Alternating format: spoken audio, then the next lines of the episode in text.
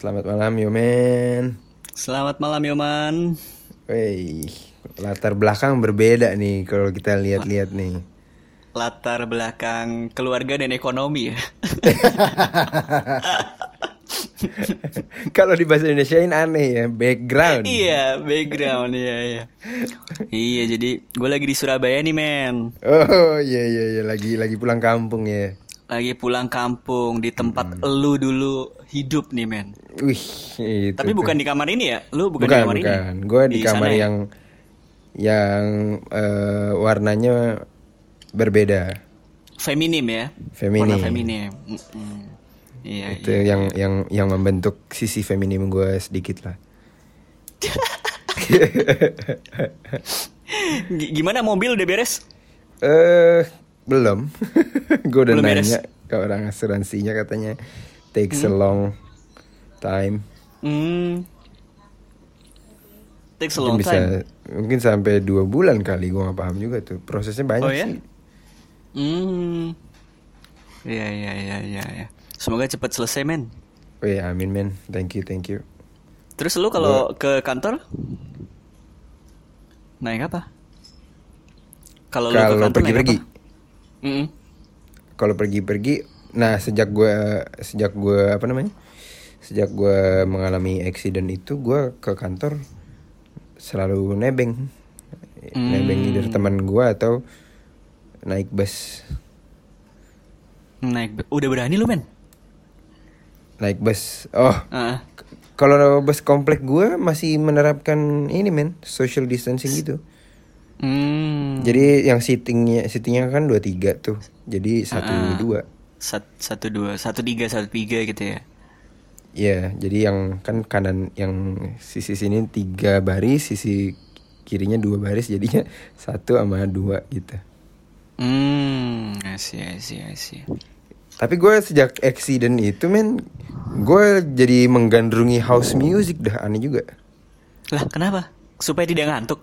Iya, karena house music itu biasanya gue pakai pas lagi workout. Mm-mm. Terus gue pikir, gue mikir-mikir, kayaknya kalau dipakai buat nyetir enak juga gitu. Hmm, kalau gue ini men apa semacam metal hardcore gitu men. Padahal kalau didengerin Oh. biasa tuh, kalau didengerin biasa tuh ini musik apa gitu ya kan nggak Iya iya kan iya. Gua banget gitu kan ya itu musik-musik kayak gitu. Si lu banget. iya, si gahar banget. Si Tapi emang gahar. kalau dibuat workout atau untuk supaya tetap terjaga gitu oke ya Oke sih, oke sih. musik-musik gitu. Hmm. Nah, gue kan ini kebetulan bokap gue lagi di rumah. Mm-mm. Terus eh, kemarin pergilah gue ber sekeluarga. Gue setel house music gue, playlist gue. Oh ini. Nih pak, aku lagi lagi suka dengerin house music nih gitu. Hmm. Terus Komentarnya dia pertama. eh biasanya kalau orang yang suka dengerin lagu ini biasanya eh, orangnya suka tripping. Wah anjing. Tripping. gue bilang biasanya orang yang suka dengerin ini suka suka dengerin house music suka olahraga gue bilang gitu Bokap lo juga dengerin ini metal kan? bokap gue dengerinnya metal Eh, iya metal. tapi pas di- dikasih house music komentarnya begitu terus komentar kedua tapi kamu eh, nggak suka clubbing kan ya kalau clubbing mah kagak ngobat juga kali gue bilang gitu. Ngomong-ngomong house music nih men, iya kan itu itu kan semarak gitu ya, suasananya semarak ya. iya iya Nah ini kan yang lagi semarak suasananya kan eh kayaknya ini ya berita-berita tentang Prancis ya dan presidennya. eh iya iya iya iya Ema- Emmanuel Macron ya Hmm, Emmanuel Macron. Iya, iya. Gimana lu, men? Enggak, enggak, gue mau nanya lu duluan. Bangsat cari aman dia. ini gue juga harus cari aman nih.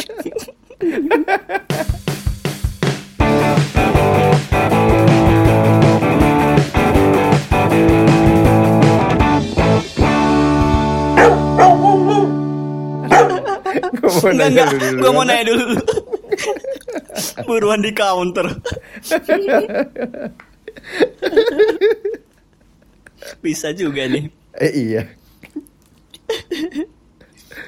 Gimana pertanyaannya gimana men? Nah, pandangan lu gimana soal Wah, soal ini nih rese nih. yang yang akhir-akhir ini terjadi Gua mau nanya duluan Langsung ditanyanya pandangan lu Gimana ya men ya? Gua kan bukan bagian dari mayoritas ya kalau di Indonesia ya. Iya iya iya. Mungkin Mungkin kalau global citizenship gitu mungkin mayoritas mungkin ya mungkin. Tapi kalau Kalau di Indonesia mungkin masuknya minoritas gitu ya.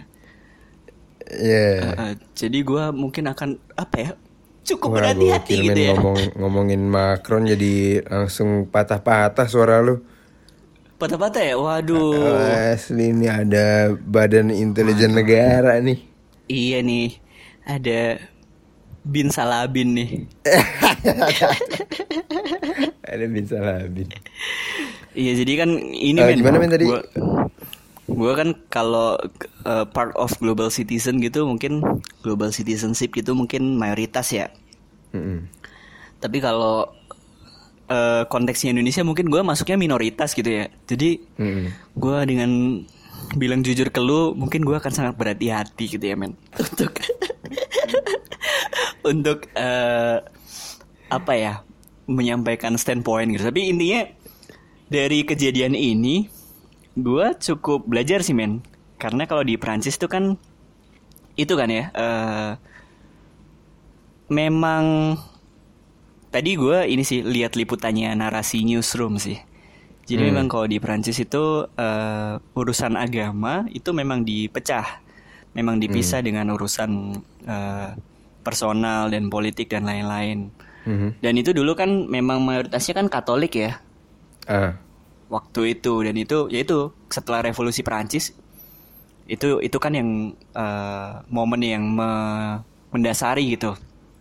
Untuk eh, keputusan see, itu gitu. Jadi apa yang terjadi saat ini mungkin ya mungkin eh, implikasi dari itu tadi. Jadi kalau ditarik sejarahnya ya memang ada sejarahnya bahwa memang mungkin bahasanya cukup sekuler gitulah bagi mereka. Hmm. Dan di situ kan memang banyak eh, imigran yang masuk gitu kan. Yep. Gitu. Jadi kan tiap negara punya punya konservatifnya masing-masing ya. Jadi mungkin kalau di Indonesia yang konservatif itu yang menggunakan politik identitas gitu. Nah sementara Mhm. kalau di Prancis yang konservatif itu malah yang sekuler gitu. Ah, Jadi oke oke oke. sama-sama mempertahankan nilai-nilainya gitu. Nah gua stop di situ kali ya Oke daripada oke oke oke. daripada nggak aman kan ya. nah kalau lu gimana nih men? Kalau Nggak boleh main aman tapi aturannya.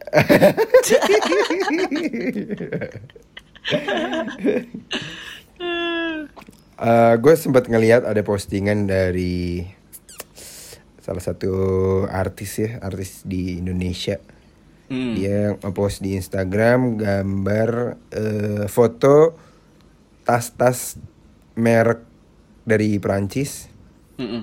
eh, dengan dengan caption tidak layak kalau nggak salah ya, kalau nggak salah tidak layak. Hmm.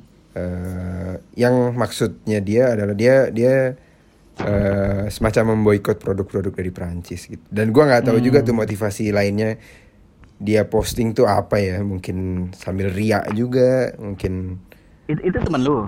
enggak enggak eh, artis di Oh Indonesia. artis, I see, I see. Nah, eh, kalau gua gua sebenarnya eh tidak memboikot produk-produk Prancis. Cuman emang emang emang kagak kebeli aja. Tapi men, Eh, ini yang barusan. Enggak, kalau kalau gue pikir-pikir lagi tapi ya, eh, sorry cut dikit. Hmm. Eh, mungkin kebeli, Mm-mm. tapi itu bukan prioritas gua gitu. Karena ya ya sesuai dengan topik kita Asik. Saudara-saudara, Yoman telah mengcover dua hal. Yang pertama, Iya. di- dia bisa stay aman gitu ya. Yang kedua, dia bisa membridging ke masuk ke topik. Makin jago nih bocah. Iya. Gimana? Makin jago men. Kayaknya kecelakaan kemarin memang membuat lu semakin expert memang. Asli kayaknya begitu. Lagi pula juga ini kita udah episode 12 men. Jadi ya ya nanti kita makin lama udah makin nggak sadar deh kalau itu bridging. Jadi memang lu meng, uh, ini ya apa apa ya uh, membeli sesuatu yang sesuai kebutuhan gitu ya men ya. Membeli sesuatu sesuai kebutuhan sih. Walaupun Lebih kadang ada, bukan- ada ada ke, ada keinginan juga gitu. Hmm, Tapi porsinya porsinya jauh lebih banyak yang kebutuhan lah daripada keinginan. daripada yang keinginan. Mm-mm. Oke. Nah lalu eh, kalau gue tanya gini men, lu punya tujuan keuangan jangka pendek atau jangka panjang gak sih men? Yang jangka pendek apa, jangka panjang apa? Yang jangka panjang itu gue sebenarnya eh, kalau kita flashback ke episode kita sebelumnya Mm-mm. soal housing complexity, ya Hmm. itu sebenarnya tujuan panjang, tujuan jangka panjang gue. See. Nah kalau untuk tujuan pendek, tujuan jangka pendek sih sebenarnya eh pengen ini aja sih, pengen pengen kalau misalkan terjadi sesuatu hal yang tidak gue inginkan, gue punya eh, dana darurat gitu. Nah dana darurat itu yang Hmm. yang sekarang gue kumpulin gitu. Hmm. Kalau tadi yang jangka jangka panjang tadi kan eh, housing ya. Heeh. Nah. Eh, keinginan untuk membeli rumah. keinginan untuk membeli rumah. Nah, eh, kira-kira lu kalau kira-kira tuh kalau lu proyeksikan akan bisa kecapai umur berapa, men? Kira-kira. Hmm, skemanya kita lihat dulu nih. Kalau Mm-mm. kalau gua menggunakan skema KPR kan sebenarnya akan tercapai mungkin 20 atau 25 tahun lagi gitu. Maksudnya 20 untuk benar-benar 25 tahun. untuk benar-benar si rumah itu menjadi aset sepenuhnya milik gua gitu. Hmm. Dan yang benar-benar lu pengen ya, bukan bukan rumah yang eh, hanya untuk sekedar tinggal gitu ya. Heeh, benar-benar rumah yang gue pengen. Hmm. Gitu. Oke, oke. 20 sampai 25. Oke, let's say anggap aja gue nggak tahu umur lu ya. Eh, Tapi anggap aja nih, anggap aja ntar umur 60 tahun ya. Iya. Lunasnya. Oke. Nah, itu kan jangka panjang tuh. Tapi kalau ultimate goals lu itu apa? Ultimate dreams lu itu apa? Yang apa ya? Yang bener-bener hidup gua itu ini gitu. Pengen punya financial freedom sih gua. Financial freedom ya. Nah, Iya. itu men. Itu kira-kira umur berapa tuh dapatnya men? Hmm.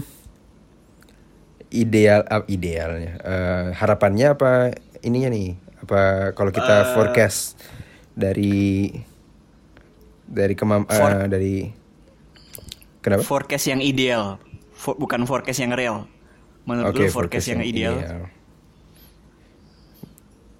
Gue pengen di usia 40 men 40 ya, oke. Mm-mm. Mantap, mantap, mantap, mantap. mantap. Kalau lu jangka panjang dan jangka pendeknya apa men? Jelas sih, gue sama kayak lu sih. Financial Jelas ya. freedom. Kalau yang paling paling panjang sih financial freedom dan ini ya punya mem- bisa memberikan nilai sosial gitulah. Hmm, hmm, hmm. Tapi tanpa nama. Oke. Pengennya sih tanpa nama gitu. Oke, jadi lu pengen menjadi semacam filantropis ya? Iya, mungkin tuh. kalau kalau dirangkum jadi satu kalimat adalah eh nameless tapi eh, punya aset yang gak terbatas gitu. Jadi kayak konglomerat-konglomerat tuh sebenarnya kan mereka kan nggak punya sosial media, nggak punya apa gitu. Tapi tiba-tiba namanya ada aja di mana gitu. Hmm. Tapi sebenarnya gue nggak mau namanya ada di mana, cuman pengen punya eh, kekuatan seperti mereka gitu. Hmm. agak agak ini ya agak agak obsesif ya Pe- pengen lu pe- pengen jadi drummernya Coldplay kan? ah itu dia itu analogi yang paling bagus banget tuh bener bener bener bener itu dari stand upnya siapa tuh stand up comedian siapa tuh Iya, gue. siapa ya? Gue lupa bukan bukan si orang India Canadian itu ya. Mm-mm. Bukan Russell Peters. Eh, aduh, lupa banget gue. Kayak anjir bener juga ya. Coba lu an- eh, jelasin ke Daugi kenapa lu pakai analogi drummernya Coldplay biar Oh oke oke oke. Jadi yang sempat dijelasin sama si stand up comedian yang kita nggak tahu namanya itu, dia bilang eh mau nggak sih lu jadi jadi drummer Coldplay? Dia nggak ada yang tahu namanya, kita juga nggak ada yang notice notice amat mukanya kayak gimana. Tapi kekayaannya tuh dia sebutin Iya. berapa gitu. Heeh. Gue kayak anjir enak banget sih. Lu liburan ke mana tanpa harus ada yang gangguin lu untuk minta Iya, foto foto, gitu. foto gitu. heeh. Anjir. Lu- lucunya adalah itu pas komedianya ngomong gini eh, bahkan dia sempet sempet jadi apa istilahnya yang masuk ke film itu? Cameo, cameo. Cameo cameo. Jadi cameo eh, jadi drummer juga di Red Wedding apa ya? Pokoknya di Game of Thrones gitu man Oh oke. Di Game of Thrones dia jadi drummer. Dan nggak ada yang ngeh kalau itu drummernya Coldplay. Jadi itu sangat ultimate goals tuh.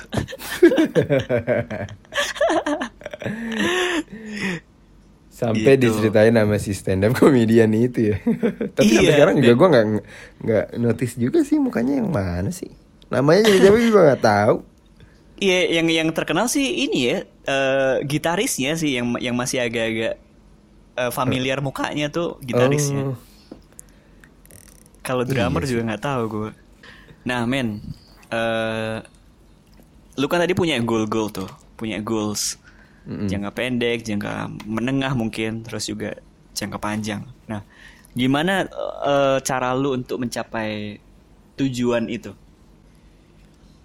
Ada dua approach sih kalau menurut lu Ada dua approach sih kalau menurut lu. gimana tuh gimana tuh? eh cara pertama pendekatan yang pertama adalah dengan menambah pendapatan lu aja gue ada sound sounds like yoman bet gue eh yoman Sounds like TDW ya, tung di semua ringan. menambah pendapatan dengan cara Hmm. apa banyak caranya sebenarnya kalau kita mau tahu kalau kita mau berusaha juga gitu Hmm. bisa main saham bisa main reksadana lu bisa mm, menginvestasikan uang lu menjadi emas walaupun sekarang emas lagi turun Mm-mm. Oh turun lagi ya? Bukannya Ah, sempat naik? lagi harganya sekarang harga terendah nih 916 bisa dengan jualan barang yang bisa lo ciptakan atau jasa yang bisa lo tawarkan. Macam-macam sih gitu. Hmm. dan cara kedua eh, adalah dengan mengurangi pengeluaran. Cie. Mengeluarkan eh iya bener ya mengurangi pengeluaran ya. Benar benar benar. Eh, Alias iya. berhemat ya. alias berhemat. Nih dogi gue tadi di briefing gitu si jujur. alias berhemat. Nah, gue pengen Alias tahu yang yang ap- yang approach yang kedua dari lu sebenarnya. Hmm. Iya sih. Jadi men, kalau gue tuh nggak tahu ini ini kejadian juga di lu nggak ya? Jadi waktu awal-awal kerja, karena emang nggak punya daya beli gitu ya men ya. Hmm. Gue sama sekali nggak punya daya beli. Jadi approach yang gue pakai adalah yang kedua aja. Kedua terus men. Hmm, Karena hmm. menambah pendapatan itu menurut gue dulu masih nggak mungkin. Karena waktu Hmm. gue udah terbatas, sudah kepake di satu pekerjaan itu aja gitu. Dan Hmm. kalau orang kerja kan ya mau nggak mau memang mengandalkan gaji kan ya. Hmm. Nah jadi gue sih waktu itu berhemat terus men sampai resep Mm-mm. capek banget sampai resep ah, gimana caranya makan misalnya tujuh ribu di warteg itu udah cukup tiap hari gitu men Eh, eh. gitu tapi untungnya untungnya eh, setelah sekian lama berjalan ya paling nggak eh, setelah lewat satu dua tahun kerja lah nah itu udah mulai bisa punya proporsi untuk eh, tabungan terus investasi terus untungnya bisa sekolah juga gitu jadi Hmm. Mungkin kalau di di apa di buat garis lurus gitu di awal-awal ya itu. Cuman approach kedua doang. Terus di akhir-akhir ini mulai approach pertama tapi tetap mempertahankan approach kedua. Hmm, oke. tetap berhemat. Karena menurut gue gini men kalau misalnya nih kita gaya hidupnya misalnya skala 1 sampai 5 gitu ya. Hmm. kita misalnya dapat pendapatan dua gitu. Terus gaya hidup kita dua gitu. Tapi nanti misalnya tiga tahun lagi pendapatan kita jadi empat misalnya. Hmm. nah kita tuh biasanya terdorong untuk gaya hidupnya jadi empat juga men. True. jadi naik naik pendapatan naik gaya hidup. Nah itu yang gue masih belajar untuk untuk tidak menjaga untuk tidak naik gitu. Uh, I see. Oke. lu lu kayak gue juga nggak men? Atau langsung yang pertama tadi approachnya Gue eh gue lebih approach ke yang pertama sih sebenarnya, yang yang pertama ya yang jauh. Iya iya, yang enjoyable buat gue ya. Hmm, hmm, hmm, hmm. Hmm. Walaupun sebenarnya nggak, gue bukan yang yang yang gue melakukan yang pertama doang gitu. Gue juga mengkombinasikan lah dua-duanya. Gue gue paling jarang sih sebenarnya buka buka semacam Tokopedia, buka Shopee. Gue jarang banget kalau lo lihat history gue. Wah, tuh terjarang sih gue. jarang ya Bandingkan teman-teman gue ya teman-teman gue tuh, yes.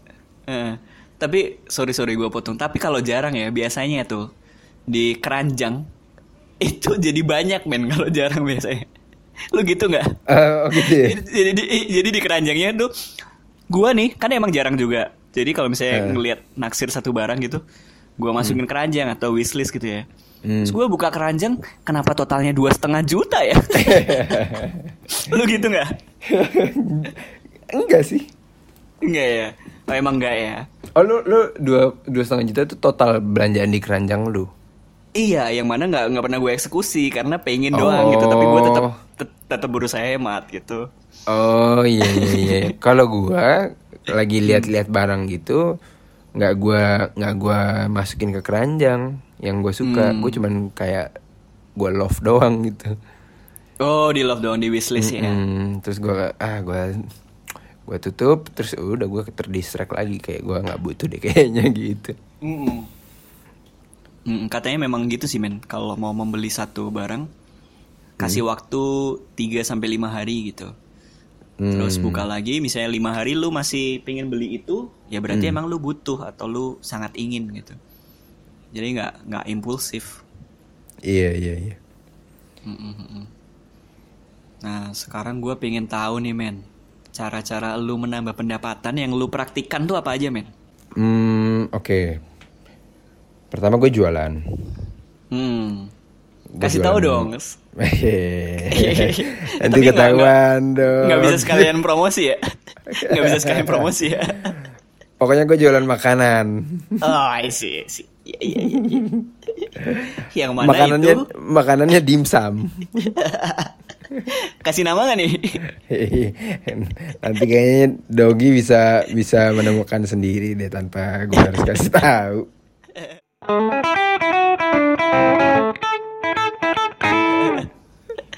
Jualan ya. Eh, Itu makanan pertama. eh Yang kedua, ya gue ini sih mencoba mencoba mengalokasikan dana gue ke saham, ke rekening saham. hmm. Saham atau reksadana saham, men? Eh, gue bukan yang reksadana, gue yang saham. Hmm. Oke, oke. Kalau reksadana sebenarnya kan jauh lebih aman ya, Mm-mm. Karena ad- udah ada manajer investasi yang muterin duit lo gitu. Mm-mm. Cuman ya low risk low return juga menurut gue, tapi Iya nggak sih. masalah gitu, nggak nggak nggak ada yang salah. Nah, gue gue karena main di saham jadi high risk high return juga, jadi ya gue ngeri ngeri sedap juga sebenarnya main saham, apalagi gue bukan yang bukan orang yang paham paham Analis. banget, iya analisis fundamental apa gitu, gue cuman simply berdasarkan feeling dan kata apa omongan-omongan orang gitu sih kadang gue gampang kena pom pom juga sih Oh, yang yang lagi bagus, yang lagi wangi ini gitu ya. Iya dikasih tahu ini. kan di forumnya, eh ini lagi naik, jangan sampai ketinggalan kereta. Gua masuk, eh turun. Hmm, oke oke. Jualan Gitu. saham. Jualan Apalagi, saham, terus eh, emas, gua naruh di emas, Nabung emas ya. nabung emas. Karena orang bilang emas tuh bukan investasi men, tapi nabung. Karena lambat bangetnya itu. Karena lambat banget, iya. Itu jangka panjang sih. Eh, kalau nanti just in case gitulah. Cocoknya untuk situasi-situasi kayak gini ya, yang tidak Cocok, ter- cocok. Mm-mm. Nah, yang pengen gue lakukan tapi belum gue lakukan itu adalah jualan jasa sih sebenarnya. Apa rencananya men? Kalau gue pengennya ini sih eh menjadi trainer. Ah, I see, I see, I see. Iya, iya, iya. Karena itu bidang lu ya. Eh, karena itu apa ya? Sebenarnya gue non atlet juga gitu. Tapi gue suka lari dan gue Oh, ngelihat. Trainer ini, physical trainer. Iya, sorry sorry. Anjir, Eh, gue pikir ini loh. gue pikir gue pikir semacam training Iya training sih. ini loh, soft skill itu. iya sih, artinya bisa bisa banyak ya. Soalnya gue ngomongnya jasa sih ya. Iya. hmm. Tapi itu juga pengen gitu. Tapi gue masih belum melihat gue punya kemampuan yang mumpuni gitu di bidang itu. Hmm. Tapi kalau eh, yang tadi gue omongin adalah menjadi coach atau trainer lari. Lari ya. Hmm. Hmm. Untuk orang-orang yang mau start start ya at least 5k dulu lah gitu. Heeh. Ih, Gua itu bisa banyak banget pasarnya tuh, men. Banyak banget tuh pasarnya Iya. ciwi-ciwi. dan dan sebenarnya gue nggak nggak yang pengen langsung jual berapa gitu juga enggak tapi gue juga pengen menakar kemampuan coaching gue nih gue kira-kira bisa nggak sih bikin orang jadi mau dan enjoy untuk lari gitu sih. Gitu sih. Nah kalau yang eh kalau yang kedua approach kedua sih gue nggak punya banyak saran dan ini sih. dan Iya, iya, iya. masukan. Kalau lo apa men yang di approach pertama tadi yang udah lo lakuin ini, men. selama ini Gue itu ini men, kalau soal saham ya, tadi kan lu main saham. Nah kalau gue tuh orangnya sangat masih sangat ini loh, sayangnya sangat berhati-hati gitu. Gue tuh udah udah mempelajari banyak banget kan saham. Udah mulai dari 2015 gitu. Hmm. Nah, tapi sampai sekarang 2020 itu gue belum pernah naruh nih di saham. Padahal udah punya rekeningnya, Hmm. rekening saham. Jadi sejauh ini sih baru reksadana. Tapi reksadananya gue eh, ini sih udah rata sih pendapatan apa dari pasar uang, terus pendapatan tetap, saham rata sih. Hmm.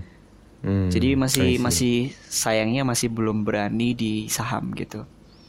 I see I see Terus kalau emas, emas itu gue cuman berhenti di 2015. Jadi malah di awal-awal kerja. hmm? Setelah itu, setelah jalan kok, aduh ini kok nggak ada, nggak ada efeknya gitu. Nggak gue terusin kalau yang emas. Oh, I see I see Terus ada inilah semacam apa ya? Semacam asuransi tapi yang keuangan. Jadi Hmm. ada, duh istilahnya apa sih? Kok gue lupa ya istilahnya? Apa men kalau asuransi ada ada investasinya tuh? Lu tahu istilahnya nggak? Unit link, unit link, ada unit link. Hmm. Hmm. Nah, unit link. Oke Terus gue banyak main P2P men, Oke peer-to-peer lending. Hmm, Tapi itu eh, akan sangat gue kurangi sih P2P karena gue udah kena getahnya. Jadi Oke P2P itu kan meminjamkan uang dananya peminjam itu kan dikasih ke eh sorry dananya pemberi dana itu kan dikasih ke peminjam untuk karena ada dua jenis kredit ya. Kredit produktif sama kredit eh, konsumtif gitu. Nah kalau yang kredit produktif untuk modal usaha itu gua nggak akan ngurangin. Itu artinya gue juga eh, dalam tanda kutip membantu orang gitu kan. Nah, yang akan gua kurangin adalah yang untuk kredit konsumtif. Hmm. Gua pengen nyebut merek tapi saking saking saking, sebelnya. dendamnya. iya. gitu sih. Gitu sih men. Tapi kalau yang kedua, approach yang kedua, gue bikin budgeting sih. Biasanya setelah setelah apa gajian tuh, Hmm. setelah dapat pendapatan, gue akan maksimalkan ke saving sama tabungan dulu. Jadi di awal-awal itu gue langsung taruh di saving, tabungan, terus sama yang bayaran-bayaran rutin gitulah. Nah, Mm, mm, untuk mm. biaya hidup setelah gue amanin, nah itu baru baru gue uh, kelola gitu. Gue irit-irit lah. Hmm. Oke. Yang mana rasanya kayak mau ma- presen- mokat gitu. Persentasenya kalau lu berapa berapa berapa persen berapa persen men antara antara yang untuk kebutuhan sehari-hari sama untuk tabungan. Hmm. Jadi kalau gue urut-urut ya, 2014 2015 itu gue 100% sampai 80 80 sampai 100% itu untuk murni untuk eh, kebutuhan men. Jadi hanya 20% aja untuk tabungan dan investasi. Terus mulai masuk 2016 sampai 2018, nah itu gue ekstrim banget tuh men. Gue 70% untuk tabungan dan investasi. Tabungan biasanya 20, investasi 50%. Jadi Wow. 30% doang gue kebutuhan. Itu rasanya mau mati sih. Wow wow wow wow. gitu. Nah, tapi 2000 2019 2020 sekarang sekitar 40 60 lah. 40 yang tabungan dan investasi, 60 kebutuhan. Karena Oke. kebutuhannya makin banyak nih gitu. Lo menerapkan Oke. budgeting nggak men? Menerapkan juga gue. Hmm, berapa persen tuh? Sama juga gue 60 40. Jadi once gajian ya gue langsung post eh, pindahin ke pos yang tabungan. Terus Mm-mm. nanti yang untuk kebutuhan sehari-hari ya stay di di yang pertama gitu. Hmm, Gitu sih. yang tabungan dan investasi yang berapa persen? Yang tabungan dan investasi yang 60%. Wih mantap. mantap. Tapi nggak tahu nih ya men ya. Ntar kalau kita udah merit gimana ya? itu sih yang eh, kata orang sih jangan khawatir ya. Tapi gue khawatir sih. gue khawatirnya balik lagi kayak 2014 2015 sih. 100 persen. Wah, Itu kalau kayak gitu financial freedomnya sulit tercapai dong ya. Sulit tercapai, iya. Eh, apa gue kagak jadi aja ya? Apa? Apa gue kagak jadi aja ya? Kagak jadi apa? Kagak jadi marriage.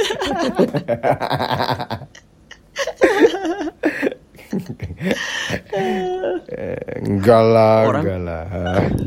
Orang makin banyak tahu tuh makin takut ya. iya, mendingan gak usah banyak tahu dah. The less you know, Iyalah. the better. Udah jadi ignoran aja lah ya. Gila, kadang kalau dipikir-pikir, dipikirin terus kadang tuh Pikiran terus. nggak ini sih kayak anjir apakah mungkin gitu pertanyaan gitu mulu jadinya Nggak jalan-jalan. Mm-mm, udah sih menurut gue eh cukup at some point aja bertanyanya iya. Kita ini aja em, menganut ini men. Hukum rabun jauh gitu. Jadi kita lihat yang deket Deket yang dulu. paling jauh tuh seberapa gitu ya. Eh, Karena emang iya. nggak bisa diprediksi siapa yang prediksi corona juga kan. Iya iya Iya. ya Eh. percayakan aja sama yang di atas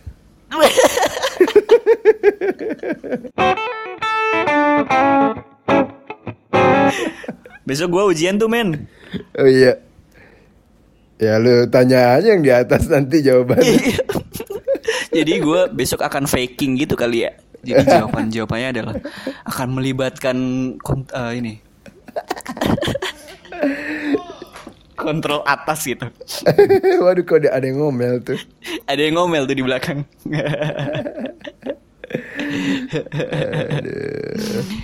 eh men, lu per bulan ada ini gak sih men?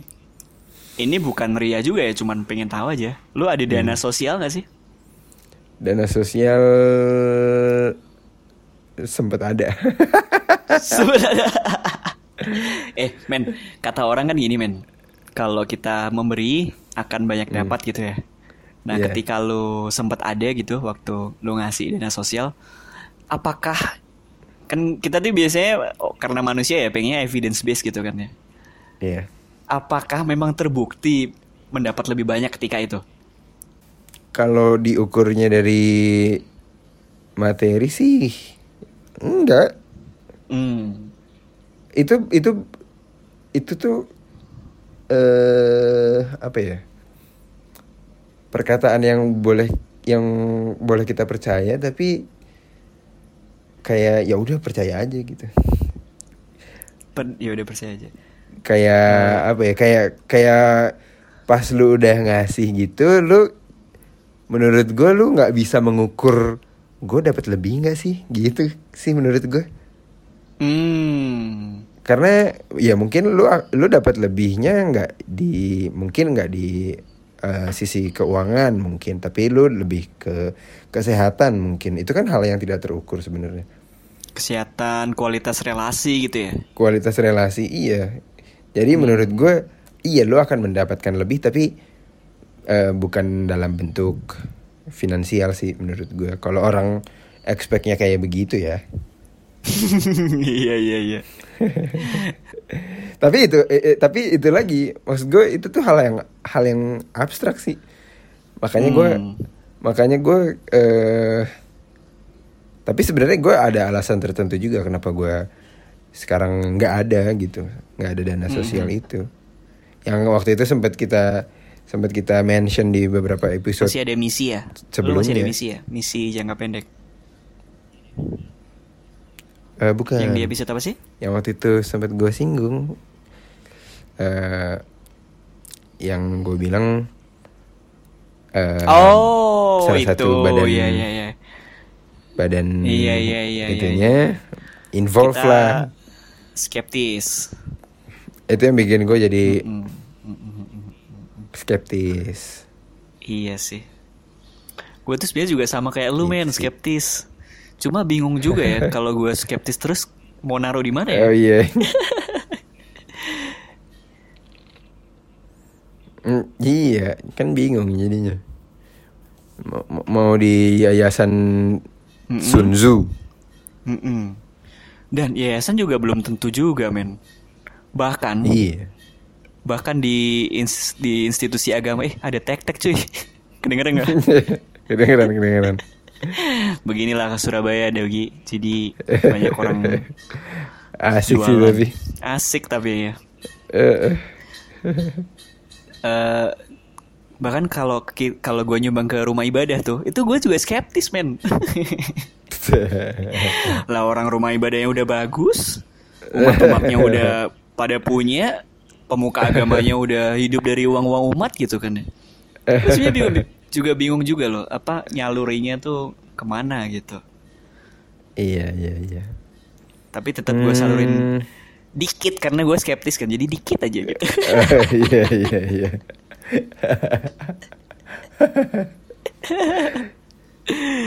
Aduh gitu men. Kayak ini ya Kayak Aduh gue lupa banget tuh Tulisannya siapa Seribu Surau Runtuhnya Seribu Seribu, Surau. Surau. kami Kalau nggak salah Dulu tuh Seno Itu- Gumira ya? Iya kalau nggak salah ya Sena Gumira ya Iya iya iya Seribu Suraya Tulisan kayaknya Seno tahun Gumira. 1950 yang menurut gue sampai sekarang masih relevan banget dah. Mhm. Eh, Iya dia mengcapture itu sih yang tadi sempat lu singgung. Hmm. Iya iya. Men gue kalau ke ke identitas gue sendiri berani men. Tapi kalau lu Kal- tanya yang Perancis tadi nggak berani gue.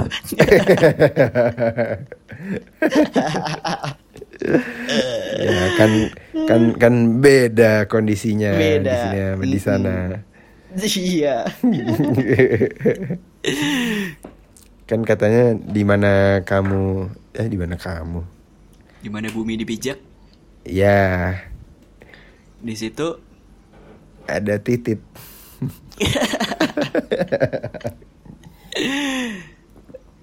gitu. Ngomong ngomong apa lagi ya kita ya? Bingung juga ya. Iya bingung juga. Karena nih. karena berapa menit kita? 40 ya. Iya udah 40 nih. Ya udahlah daripada bingung ya. Kita bukan orang ini financial planner. Iya iya. Kita cuman mengandalkan dari pendapatan bulanan ya. Ya, nggak ada bedanya lah sama dogi-dogi sekalian. Iya Jadi- iya. Jadi jadi jadi eh apa ya? Lu akan melakukan apa men? Minimal untuk diri lu sendiri dan mungkin mungkin lo ya bisa Hmm. dibagikan ke dogi gitu. Eh tapi gue mau Soal- nanya dulu nih eh, Oke, oke, oke. soal financial freedom eh, expected lu lu akan mencapai itu di usia berapa gitu? Kalau gua kan tadi 40. tadi- Tadi gue belum belum ketanya ya. Iya, belum ketanya tuh. Yang mengukur juga nih. Eh, gue tuh ngitung-ngitung ya men ya. Ini realistis ya bukan ideal. Hmm. Kalau realnya mungkin mungkin ya 5560. Hmm. 5560 dan itu eh, ketika gue udah sempat singgung juga waktu kita ngomong tentang mensana in corporate saja. Oke. Untuk mendukung itu, ya gue akan berusaha semaksimal mungkin untuk tetap sehat gitu. Oke, oke. Dan akan tetap membuli enggak sih, enggak enggak enggak. enggak. Enggak. Anjir. Oke, Gitu, oke, oke, oke. Oke, balik lagi ke pertanyaan lu tadi. Hmm, Yang bisa gua share ke Dogi sekalian. Mm-mm. Soal apa nih? Lupa gua. Soal apa ya? Langkah keuangan lu gitu Oh, untuk mencapai tujuan-tujuan keuangan lu. wah. Gua bukan orang yang tepat sih untuk ditanya pertanyaan untuk bisa menjawab pertanyaan itu. Minimal yang personal yang yang bakal lu lakuin apa men? Stay uh, stick to the plan gitu kayak yang apa yang lu udah lakukan sekarang atau atau ada tambahan lagi kah? Tambahannya itu apa gitu? oh, oke. Untuk sementara sih gue masih stick to the plan dulu sih. Hmm. stick dengan apa yang udah gue jalani sekarang gitu. Tapi kalau sudah menikah, Sebenarnya game changernya tuh punya anak men. Menikah mungkin iya men, masih bisa ke cover. iya men. Ya mungkin gue akan cari pekerjaan yang gajinya lebih besar sih. Approach pertama ya. Mm-mm, tuh itu tuh kayaknya tuh. Hmm. Nah, kayaknya di startup gitu ya. Enak barangkali ada dogi-dogi yang bekerja di startup gitu. Ya. Bolehlah hire gue. kirim email ke surel.daugi@gmail.com. Uh, uh, kita butuh loh project-projectan gitu atau iya, iya. full time kerja bisa juga ya men ya. Mm, bisa banget.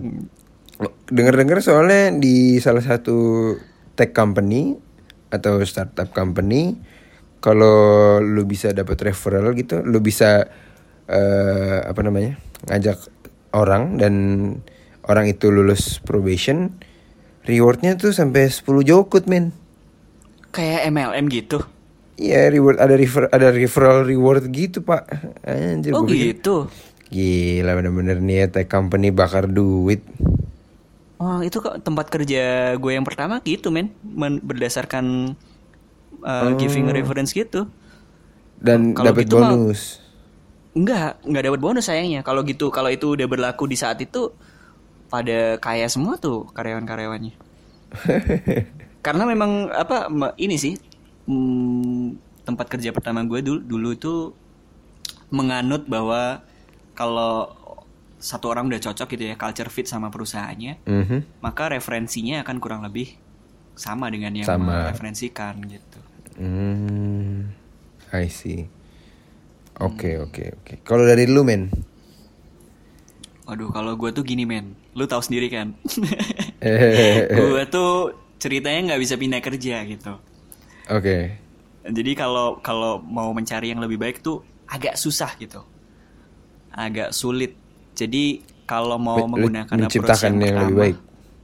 Mm-mm, kalau mau menggunakan approach yang pertama adalah mau nggak mau gue harus sebagai kayak pengusaha gitu, Hmm. harus bikin sistem yang lebih disrupt apa ini kan di- disruptif banget ya orang-orang pengennya yang Hmm. masif murah terus berkualitas nah pengennya sih membuat seperti itu gitu yang menjawab kebutuhan itu. Oke. Nah kalau kalau nggak bisa kejawab itu ya gue akan menggunakan approach kedua yang rasanya bleeding itu, berhemat itu. I see, I see, I see. Tapi menurut gue men, eh gue agak bersyukur sih dengan kondisi gue karena gue dilatih untuk eh, berhemat gitu. Hmm. Nah, hemat itu kan eh, apa ya self discipline gitu. Itu bisa diaplikasikan ke banyak hal. ya. Hmm. Kalau itu dikombinasikan dengan konsistensi, jadi self discipline dikombinasikan dengan konsistensi, itu banyak gitu yang bisa di kita terapkan. Misalnya kayak membangun habit, membangun habitnya, eh, lu kayak misalnya berlari. Dulu mungkin lu agak susah ya, misalnya tiap pagi harus lari gitu, kan susah kan men? Hmm, hmm, susah. Ya lebih punya willpower lah, gue setelah dapet kondisi-kondisi kayak gini, kondisi-kondisi yang harus berhemat gitu. Eh, kalau lu kalau lu melihat diri lu sendiri itu eh apakah trait hemat lu itu nature atau nurture? Wah itu fully nurture sih men. Sebenarnya gue Fully konsum, nurture. kons- fully nurture. Gue konsumtif banget sih. Oke. Apaan? Lu tahu sendiri gue keluar dari tempat kerja pertama tuh Hah? langsung bikin ini kan? langsung bikin tato ya harganya satu kali satu bulan gaji apa itu tidak konsumtif gitu kan?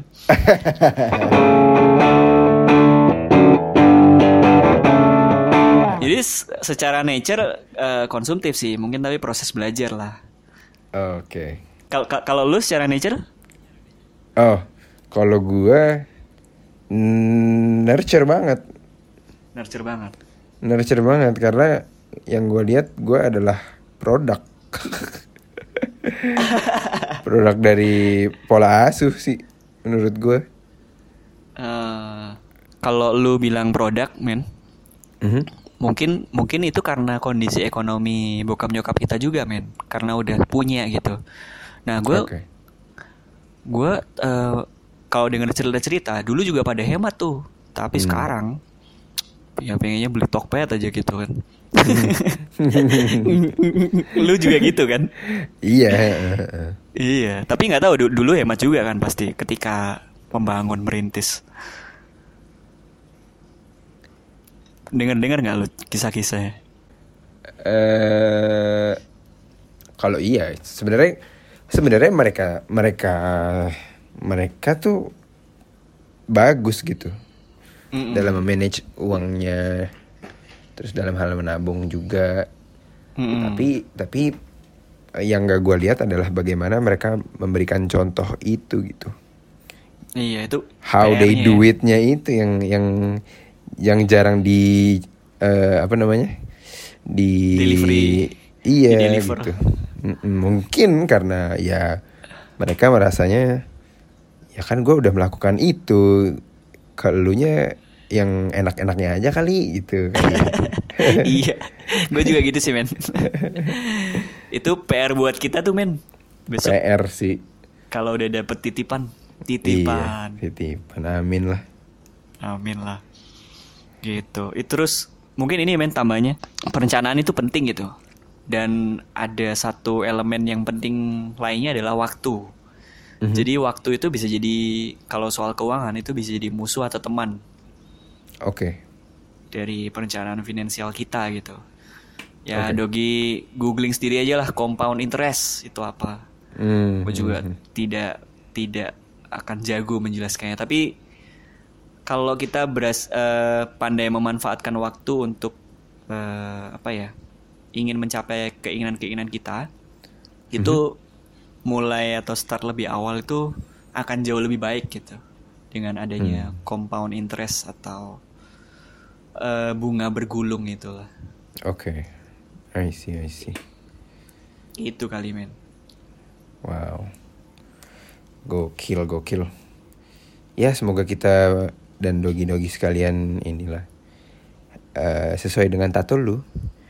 Apa Happy, healthy, wealthy. Hai. Widih. Kalau nggak happy, healthy. Kalau nggak healthy, oh gua nggak mau sih. wealthy? Tapi, gua nggak mau sih kalau nggak healthy. Iya. Coba deh lu bayangin deh lu healthy tapi kagak healthy kagak enak. Nah itu dia, itu dia makanya yang harus kita jaga. Iya. Tapi gue juga nggak, tapi gue juga nggak mau ini men kan gue nggak mau apa matinya itu karena sakit yang menyiksa gitu kan ya. Eh. Tapi juga nggak mau matinya kecelakaan men. Gimana coba? Bangsat. Maunya matinya pas tidur gitu. Kata yang di atas, nih bocah kagak pernah ngobrol, pengennya banyak gitu. iya iya iya. Tato lu yang itu di mana sih men tulisannya? Di betis men, di betis. Oh di betis ya. Oh. Di betis. ha.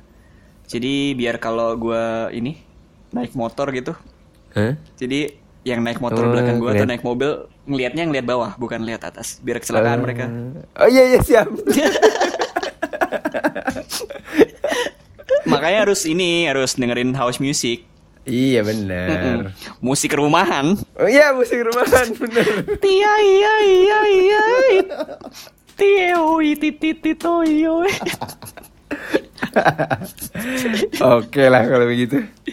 Oke lah kalau begitu. Nah, Sampai jumpa minggu depan. sampai jumpa minggu depan. Yo men. Yo man. Kita cus dulu. Cabut cabut. Cabut dulu. Bye. Bye.